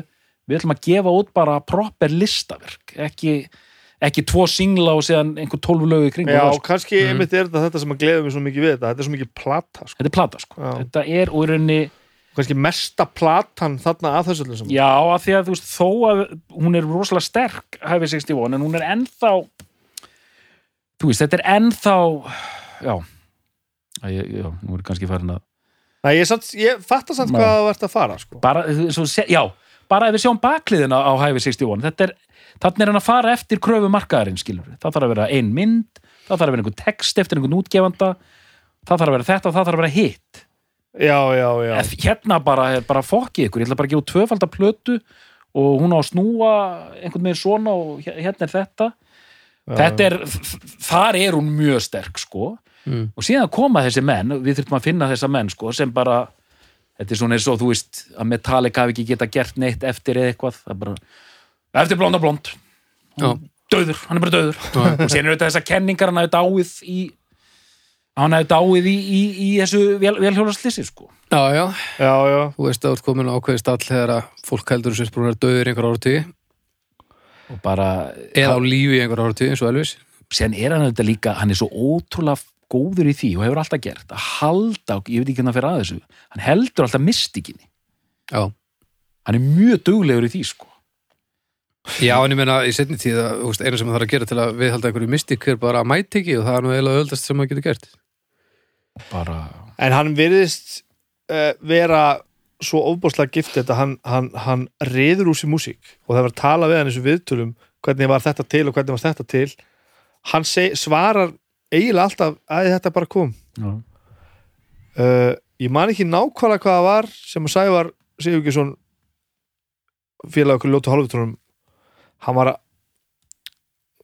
fengið til að þýða söngleika eða eitthvað fjandan sem var svo aldrei aldrei gerðist svo aldrei út af einhverju le leikstur á skiptum einhver staðar eða eitthvað, ég man ekki hvernig það var. Nú er kannski að segja eitthvað sem ég má ekki að segja ekkert að nefna að hvaða leikus það var en það var eitt af stóru leikusunum og svona, þetta var bara alveg verkefni og hann var komin í það að fara að þýða ég man ekki hvort það var að þýða allt verkið eða bara söngtekstana mm. ef þú ætlar að fá til þess að- að að gera þetta þá, þá skaltu tala við Sævar þegar Já. hann er, hann er besta, besti textasmiður og besta ljóðskáld sem við eigum sko kendi mér nú sem eiginlega- við eigum, sérst við tveir kendi mér nú eiginlega sirka það, það sem hann er svona fyrir mín, mín í því að, að setja saman bundi mál sko. Hann sagði bara eitt var nú að reyna að ná náði bara að koma þessu í texta Mhm. að, að því að línundar eru svo, svo þéttar, það er svo mi- mikið sem hann er að segja mm. svo varst, þú varst að segja líka á hann sko. þú ert ekki bókmyndafræðingur hann las bara textan og bara um hvað er hann að tala og bara, þú veist og, og, og bara þakka öllum góðu vættu fyrir Google af því það hætti bara bara um hvaða máli er hann að tala hérna Mm. Og þá var hann bara að vitni í þetta og í þessa bók og grýta þessu og blað og blanda þessu saman og þú veist, þetta er bara veistu, hvað er hann að segja á nýjastu plötinu? Bara Anna Frank og, Indiana Jones í sömu línu sko. og ég er ekki að grínast Já, þau hittist aldrei sko. þau hittust aldrei hann er að þú veist eh, hann hefur bara svo eh, hefur svo mikið að segja og það er svona hann, að- auðvitað vitum við það að, að, að svona við utanakomandi upplifum þetta kannski ekki eins og, eins og það er en mann líður eins og hann hafi bara ekkert fyrir þessu. Þetta gerist bara alltaf sjálfum sér og það Mm. getur ekkert verið, það er ekkert þannig sko. Og hann var, var spurður, ég sá ekki tíma var spurður að hérna bara uh, spunni og svona í músík. Improvisur og svona. Bara irrelevant. Bara að lægi er til, þá er það bara til. Þú getur breytt í eitthvað hvernig þú spila það en lægið verður alltaf eins. Mm. hann upplifur þetta ekkert sem eitthvað þú veist Nei. Hann er bara svo lagast með þessu. Sem bara lag og texta. Hann er bara með essence í grunninn. Og svo kannski getur þú verið að spilda fast eða löst eða hratt eða hægt eða eitthvað en fyrir honum er þetta bara, nei, þetta er bara lægið Mm. lægið er bara svona. Snorri Sturluson samstarfsfélagið minn, svo ég tala nú bara um fólk sem ég vinn með. Já. ég hérna var að tala ég, ég, ég, ég sagði honum að við varum að fara að tala um Bob Dylan. Nó, já, þetta er byrjað. Komin með hérna komin með Það er komið leki í, Já, hann er nú í í- bestu plötu búin að vera duglegur á Grindina. umræða hófnum hann, hann getur nú bara að slá um sig þannig hann getur bara að leka þessu. Ég er að passa mig hvað ég segi. Já. hann hérna, hann sagðist hafa séð viðtal eða, eða lesið eitthvað við, við Dylan. Það sem hann var að vera að tala um hérna einmitt All Along the Watchtower. Mm. og þar hafi Dylan sagt bara já, svo kom bara Jimmy og gerði þetta og það var bara ennþá betra en það sem ég gerði og eftir það þá svona hálfpartin ósvöld hálfpartin viljandi þá spila ég bara útgáfuna hans ekki eins og Hendrix gerði það Já. en Þá svona honum hugsun. líður eins og hann sé að spila Hendrix-lægið Já. og á einhvern stór undanlegan hátt segir hann, þá finnst mér alltaf eins og ég sé að að færa tribute til Jimi Hendrix þegar ég er að spila lægi mitt sem er líka bara og þarna einhvern veginn ertu með svo rosalega hlut í tónlistasögunni að maður bara svona bara um hvað eru menn að tala þarna sko En en hvenær er nokkið um þeim stóri ég get ekki að hugsa um þetta fyrir að- að að- að að- hvað, hvað geti verið síðasta hvort laga kemur á eftir Hurricane eða nokkið um heimstór Sko, nokking kemur nú undan er. Knocking er 73 var, var það bara eh, dinglandi á, á smáskífu? Nei. Hvar, hvar er uh, það á Dylan-plötunni það? það, ekki Dylan hann að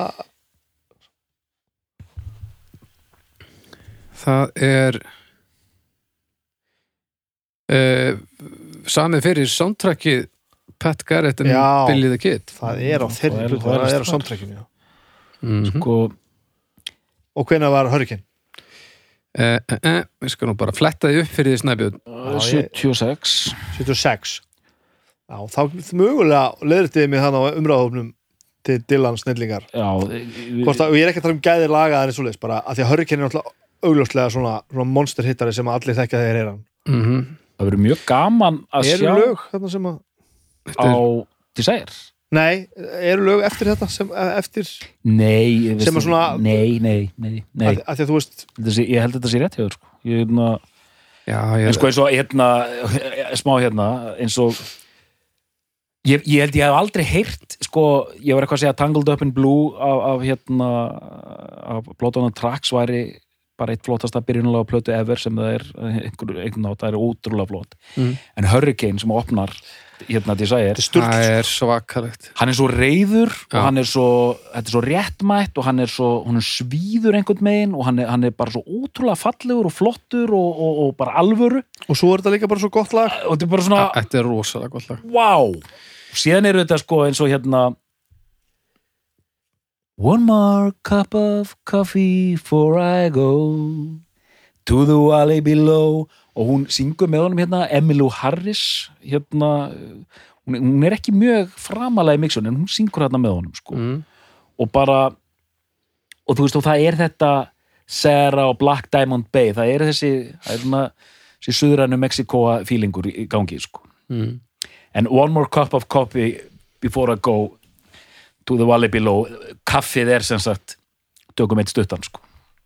já, já, já, já það er, það er kaffið sko. já, það er grættu grættu Já, stemning það er, það er Þetta er sko, stuttan, þetta er espresso hún fáum okkur eitt espresso áður, áður en ég, áður en ég fyrst þannig fyrir þetta daginn og ég ætla bara að segja þetta að því að ég hef tækifæri og ég veit eh, satt, kona mín verður glöð að heyra þetta pappi hennar, Geirlugur Magnússon var mjög mikil dillanmaður mm. og Geirlugur er látin sem sagt og í jarðaförunars Geirlugs þá spiliðu við þetta lag hérna og þá með annars konar merkingu Mm. Að því að hann drakk mjög mikið kaffi hann Geirlugur og þá spiliðu við þetta í jarðaförunni One more cup of coffee before I go to the valley below best að ég fylli hér á, á kaffibólla minn þessu að það var ótrúlegt moment í kirkjunni bara- fyrir Gerlu og.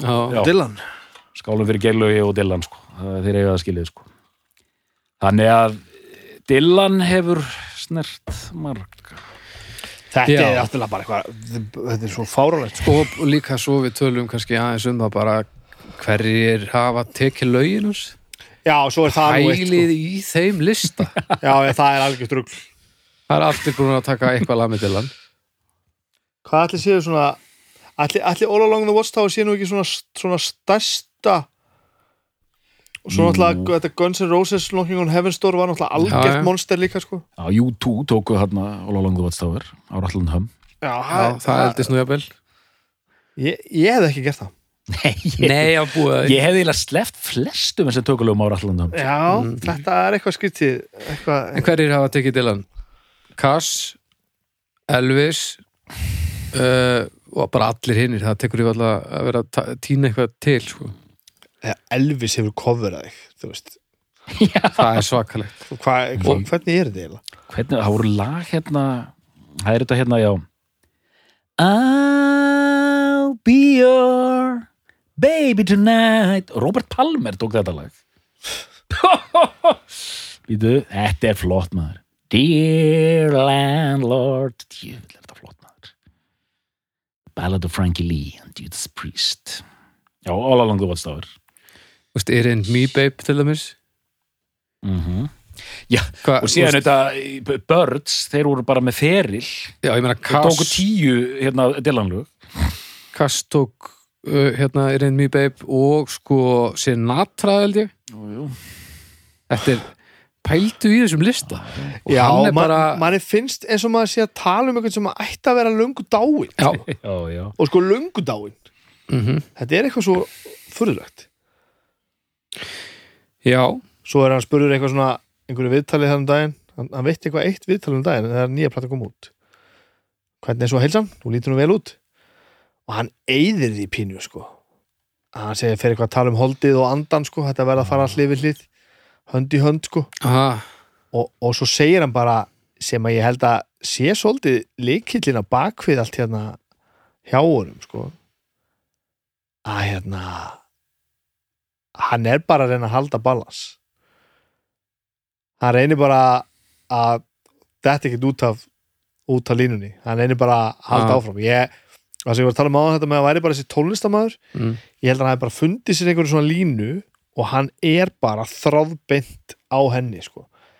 við erum ekki búin að tala um sko, hann er edru í dag búin að vera edru síðan 80s eða eitthvað Mm. en 80s eða 90s en ég meina við erum að tala um heroin neytenda sko. Já, já. Þú veist, við erum ekki eins og bara að tala um það. Nei, brjálu fyllum þetta ægilegu stónur sérstaklega hann til að byrja með greinlega hann ætla bara að spila á þessu festivalum bara þess að vita hvað hann er. Mm og svo er hann bara, þú veist, segir hann í viðtölum bara, hann var bara á dælunni og, og bara, þú veist, hvað er hann ekki búin að gera hvernig virkar þetta? Ég hérna uh, ég kveikt á Dylan þegar ég, að ég var einmitt, ég var ekkert að, byttu, byttu, ég var mjög tók langan tíma sko, ég, var, hann, ég, ég ólst ekki upp með þessu, ég lustaði ekki á hann hérna hvorki sem batn ég unglingsaldri, Mm. en það var því ég sá bíómyndina hérna Don't Look Back þar sem hefur verið að fylgjónum á túr 65 Mm. í Breitlandi og ég fór á myndina og bara, bara í miðri mynd þá bara þá sá ég ljósið sko. Já, já. og alveg þannig bara, þú er bara alveg já, bara svona, Bara svona ok, moment. bara í moment bara, heyrðu, ok, þessi gaur er frábær, þetta er, þetta er bara beyond sko. Mm. Annað, ég ætla að nefna bara húmórin í þessum gaur, að það var eitt viðtal fyrir einhverja plötuna eitt viðtal sem að viti Mm. það var við samband hérna bandarískra veist fyrir nýju plötu Já, nei, fyrir, eh, fyrir nýlega plötu þegar hann er komin á aldur Ok. Rosamlegt. þá, þá spilar hann út þessum, þessum brandara sko. Þú Mjög, veist, mjög flott mjög gott, ég er með eitt sem við þurfum að gera hérna. Við erum ekki bara að tala um Nóbelsfjölun að hafa hann einu sinni. Það er hún ekki þessi ég ætla að tala um.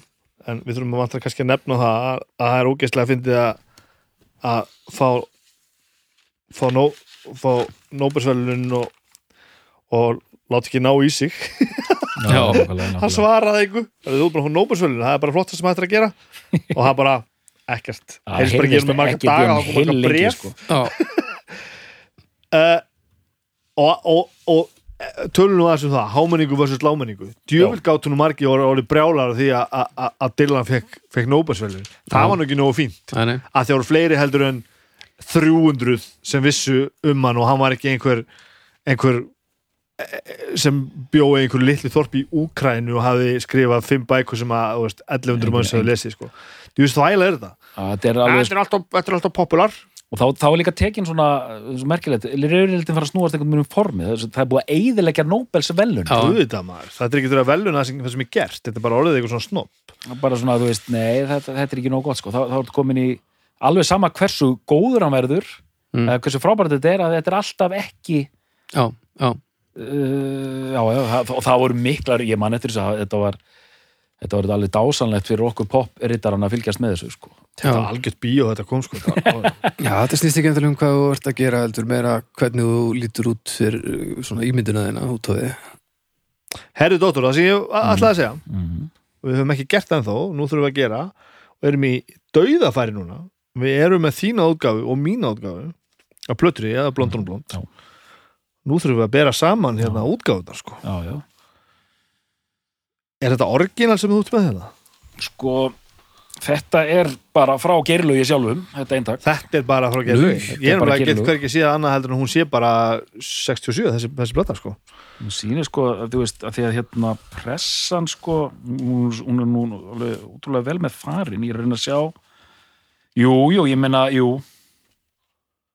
Þetta er bara orginal pressa sko, 67 sko. Takk þú mækina aðeins niður, þannig að við heyrum orginal pressa 67, við erum, að, við erum gott fólk hérna, í miðjukafa að reyna að skoða í, Ertu með fyrir plötuna hana? en rosalega er þetta samt 70-slegur miði. Hann er það. Og ég er eiginlega með Greiti enda góður. Þú ert með svona, einmitt, me, meira svona replika meira 60 smiði á, á, á- minni sem er auðvuslega eftir, eftir brentun sko. En- mín plata er Nei, þetta er, þetta er 70 smiði, þetta hefur verið gefið út þetta er pressa frá 70 og eitthvað Þetta er er greiti end sko. 2015 mín hérna sko. þetta hvað er, hérna hvað, hvað, þú tekur að lifa lið þetta hvernig þykti náðu þessu öllu sem Ertu réttendur eða örfendur að taka þinni? ég er réttendur sko þetta, þannig erum við komnir í, þetta er kannski ekki 180 þetta er 120 sem endur pressa þessi sko. nýja hérna þessi, þetta er bara mjög hefðbundin pressa hérna og þetta er svona 70s pressa þetta er 70s pressa mm. hann er svona svingar sko já, já, ég, hérna þegar maður fyrir svona labelology. Labology Lili það er fullt af skemmtilegum upplýsingum á, á þinni plötu sem er ekki á minni sko. þetta er, svo þetta sé, lí- þessu sé líst þá er þetta náttúrulega gatefold sem er hérna. Þegar ó- allt er, allt er út að þá er framhliðin og bakliðin er þá þessi heila mynd á honum sem að sést svona niður að, að frá, frá krullum og, og niður á læri. Mm. er sko, en það, hérna er meiri sem búið að setja hérna featuring. Já, á hérna- þinni plötu er alls konar svona fiff já, svona fínt. áhugavert, við erum með sama logo mín er undir Columbia þín er undir CBS Já, já. sem er náttúrulega sama sko. Já, já, já, já. En vantarlega hefur, hefur hafaði skipt um svona nafn úthafið einhvers staðar hana í mildtíðinni En þeir hafa haldið alveg áfram sko, mér er eins og jólaplatan er í mjög rosalega flottu svona 60s retro hérna. Hættu að hlæja þarna, það er búið að lýsa þessu yfir með heilögu verki að hérna, það, það er mjög flottur svona 60s retro hérna plötu miði sko. Mhm. Þetta er ótrúlega merkilegt Ólafur með, Lótstóður nú heldur, já, en jólaplatan maður, þetta er en þetta er ótrúlega merkilegt með hérna að því að það er ekkert meira á þessari plötu blond on blond, nema bara fronturinn og bakið og svo þegar, þegar hún er opnuð, gatefoldið, þá eru bara svartkvita ljósmyndir inn í og svo er ekkert meira með það, það eru bara tvær plötur bara A, B, C og D lið 1, 2, 3 og 4 en í það, öðru megin í gatefoldinu eru sömu ljósmyndinar, sömu fjóra ljósmyndinar hinu megin er búið að skipta einni stórri út tvær litlar halda sér hérna og búið að bæta við þremur minni. Hver til dæmis er þessi kona hérna sem að er ekki á Já, kannski eitthvað slest upp á vinskapin Ég veit ekki hvað var Ætli það sé eitthvað svoleiðis? Ætli, til dæmis að sé einhverja eins og þessi kona hérna á þessari mynd hérna Ætli hún sé ætli mál. hún, ætli hún ætli hafi ekki Já. mátt mátt tal að byrt, byrtana ætli, ætli það sé eitthvað svoleiðis? Þetta er sko, Ég hef tilfengur að einhver munir segja okkur hvernig liggur í þessu. Já, Þetta er hollensk pressa hérna. hollenskt Já. Okay. Já, já, þarna er þetta komið á einmitt. Printed in Holland. Og hérna og svona leiðbynningar Stereo pickup of maximum 8 grams stylus force. Maximum tip radius 0,7 mm bara, Takk fyrir það, bara svona plötspilara eða ekki neitt? Eða ekki neitt. Mm. um, Nei, ég veit, ég sko hvort þetta er, þú veist, er þetta munur á, á breskri pressu og amerískri pressu Ég finn hvergi ártala á þessari plötu nema bara orginal 67 Við viljum að sjálfsögða, því við erum með Dylan og við viljum að allir fara inn á hérna, besta platan umræðahópur og skilja inn rítgerðum þar að sjálfsögða. Já, já, þetta er Já, bara, já, já, fyrst að við Það er frjálstími núna í viku sko Nú bara Það er auka, auka velum fyrir jólaplötu rítgerðir. Nei, hún er rosaleg, sko Ég er bara algjörlega grínlaust, þetta er alveg frábært, sko Dregir, mm. við ætlum að fara að slaka okkur í uppgjör Já, erum þið. Við ætlum að byrja þess nefnir Hvað segir okkur um Simmermannin? Mér líður bara eins og við hefðum getað klárað hann þátt fyrir svona hálftíma og að við getum haldið áfram í svona hálftíma. Og mér, það er, þetta er svo fullkomlega ótæmandi sarpur. Hérna uh, þetta er einn af þessu þáttu sem gerði nákvæmlega það sem að mér langaði til að gera þegar ég byrjuði, þegar ég byrjaði með bestu blöðuna, þegar við byrjuðum með það konsept að þetta neytti mig til þess að hlusta á Bob Dylan. Mm -hmm. ég fór bara í gegnum þetta. Ég hlustaði ekki á öll lögin á öllum plötunum, gerðu þú það? Uh, nei, Nei, Hann er bara einn maður sko. Að því að yfirleitt nær maður að fara yfir ferilina því sem maður er að, hérna, að, er að fara fjallum. En, en þetta er galið sko. En ég, ég, ég, ég, ég tæfti á öllum plötunum hans. Mhm. hlustaði á það svona sem var augljóslega best í gegn. Mm og það sem gerist í, í þessu fyrir viki er það að ég fekk fyrsta skipti mynd af þessum ferli. Að því að maður bara horfir á þetta bara, já já það er best að hlusta á Bob Dylan. Og bara og svo maður bara ef þú döð hefur ekki einhvern veginn fengið þetta. Þetta er bara svolítið eins og þú bara hvað er það að byrja hlusta á Iron Maiden? Bara, oh, holy shit. En, fyrir okkur sem að ólst bara upp með Iron Maiden er þetta ekkert mál, við þekkjum ferlin og þekkjum plötuna kannski misvel. En núna, einmitt, að þegar maður neyði sig í þó ekki lengri tíma en þetta til þess að bara svona taka bara, lesa kannski smá hlusta, þá færðu þennan þennan hérna boga og sér hvað, hvað er búið að gerast einhvern veginn. Og ég komst samt alveg að því að þessi skoðun mín með Blond on Blond er svolítið tilbúin skoðun. Hvernig þá? Uh, ég veit ekkert alveg hvað er besta plata með Dylan. Mm. ég finn alveg að ég er ekki búin að kafa nóg. Mm. En, en svona í þessari yfirferð þá breytti þetta ekkert skoðun minni. Uh, það er eitt sem ég ætlaði að spyrja þig á hann að því þú varst að segja, segja þetta að þetta er eitthvað sem hann hefur ekkert gert fyrir það síðar. Blond on Blond. Mm. það er eitthvað svona fílingur á henni. Af hverju ekki?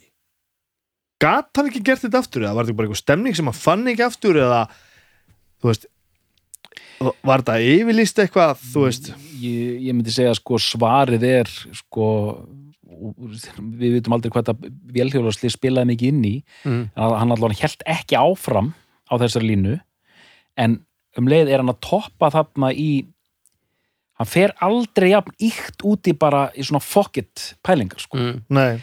plötunar undan, meira líka Highway 61 er miklu meira svona kontrólaðari Já. heldur en þessi sko. hún er það sko þessi er bara svona all out sko.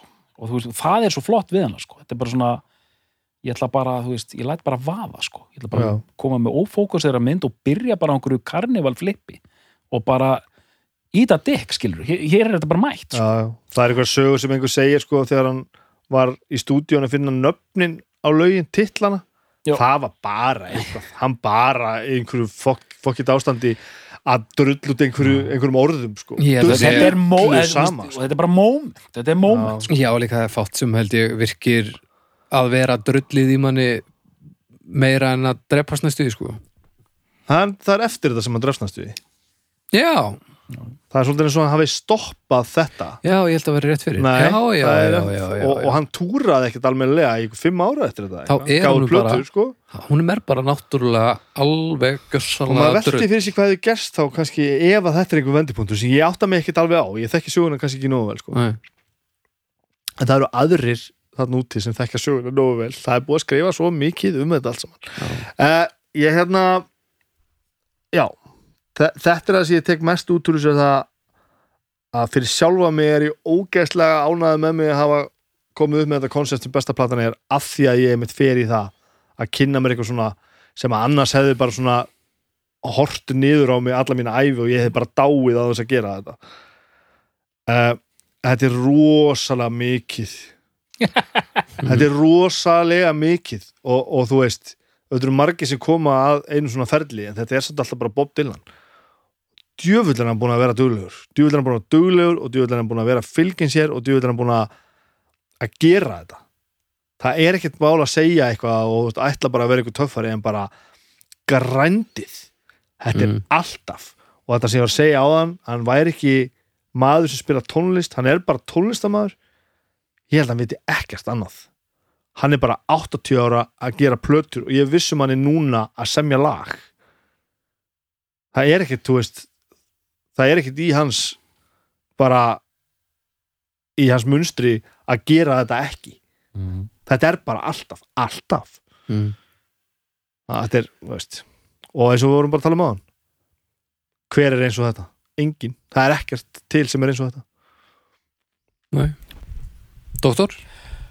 já, bara tek undir þetta með snæbinni þetta er einmitt þessi þátt, besta platan sko. það er, þetta, það er bara það frábært að geta komið og spjallað um Bob Dylan við, við einmitt, menn sem hafa vita á tónlist og brenna fyrir tónlist og bara einmitt og, og eins og ég segi, maður skannaði ferilinn og ég dýfði tánum þar sem ég var svona minni var að svíkja mig og eitthvað svona og bara úgeðslega gaman og, og, og gaman að setja þetta allt saman í samhengi og eins og við höfum rætt hérna nokkuð ítalega, Blond on Blond er ákveðin hápunktur á hans svona 60s mennsku. Mm. og bara eins og við höfum líst aldrei einstök plata svona hans súrealískasta plata að einhver leiti og bara hangir ótrúlega vel saman. Flæðir alveg frábælega tvöföld plata sem voru þetta líka á þetta. Þannig að já, hversu vel þekktir þetta fyrir þáttinn? Eh, þú þekktir alveg svona bógan á ferlinum hápuntar og lápuntar og vissi svona nokkurn veginn um hvað rætti það já ég, svona, og ég var einmitt að tala við vinn minn um þetta hvar ég st- stæði sko, ég stend nokkuð vel í 60 stillan uh, sæmilegur í, í 70 sérstaklega þetta the Tracks og, Desire sem ég þekki mjög vel. En ég meina kristilegu plötunar bara svona fara bara gegn einhvern megin slakur í 80 stillan en síðan var ég bara svo heppin eins og ég stundum sagt í þessu þáttum ég byrjaði að vinna á morgunblæðinu 2000 já, já. Þannig ég þekki feril Dylan frá 2000 og fram til hérna dagsins í dag mjög vel. Ég dæmdi allar þessar plötur fyrir mókan á sinni tíma. Já. já, í- það er þannig já, já. ég fór í þar allar alveg bara á bólakap sko. Að, en, en ég sé, það er svona ég, ég, ég er ekki ég þekki hann ekki inn og út sko, en, en svona hef nokkuð veginn sans fyrir þessu sko. Mhm. en bara og, en þetta vex bara, eins og ég segi þetta er, og eins og þetta hérna, þetta er bara svona það er eitthvað rétt við að maður sé að hérna, sé að kaupa þetta og reyndar me- mest af þessu, segið, móhuður á, á, á svona me- mest af þessu en til dæmis allar þessar 80s plötur og, og early 90s plötur það, þetta var í kólaportin út um allt sko, þannig að það var auðvelt að pika þetta mm. og þetta var eitthvað sem maður vissi alltaf ef maður sá ódýra Dylan-plötu þá bara kifti maður henni með sko. þetta er fyrsta Dylan-platan sem ég eignast á, á sama hvaða formati sem það er sko. velvalið aldrei aldrei átt getlandis með Dylan aldrei átt neitt og, og ég kefti þetta út á þessum þætti hérna, sko. þannig að þú veist og líka frábært, ég verð bara að segja það þú að mig rífast um hérna, viðskipta mótul og allt það, það er svo frábært að vera komið tækni sem gerir manni kleift að, að bara að, að, að strauja feril heilu hljómsveitana á nokkru dögum sko. já, á, án, án þess að vera með vesen sko. auðvitað, Já, já, algjörlega. Endur þetta vinsælt Já, en já, já en það, er- það, þetta voru mín orð og bara indislegt, bara halleluja og það allt sko. Mhm. gaman að vera til, tónlist er snild Þannig að Snæbjörn, er þetta besta plata Bob Dylan? Já. Doktor, er þetta besta plata Bob Dylan? Nei. Hó, hó, hó Við þakkum fyrir í dag og við heyrumst að viku liðinni.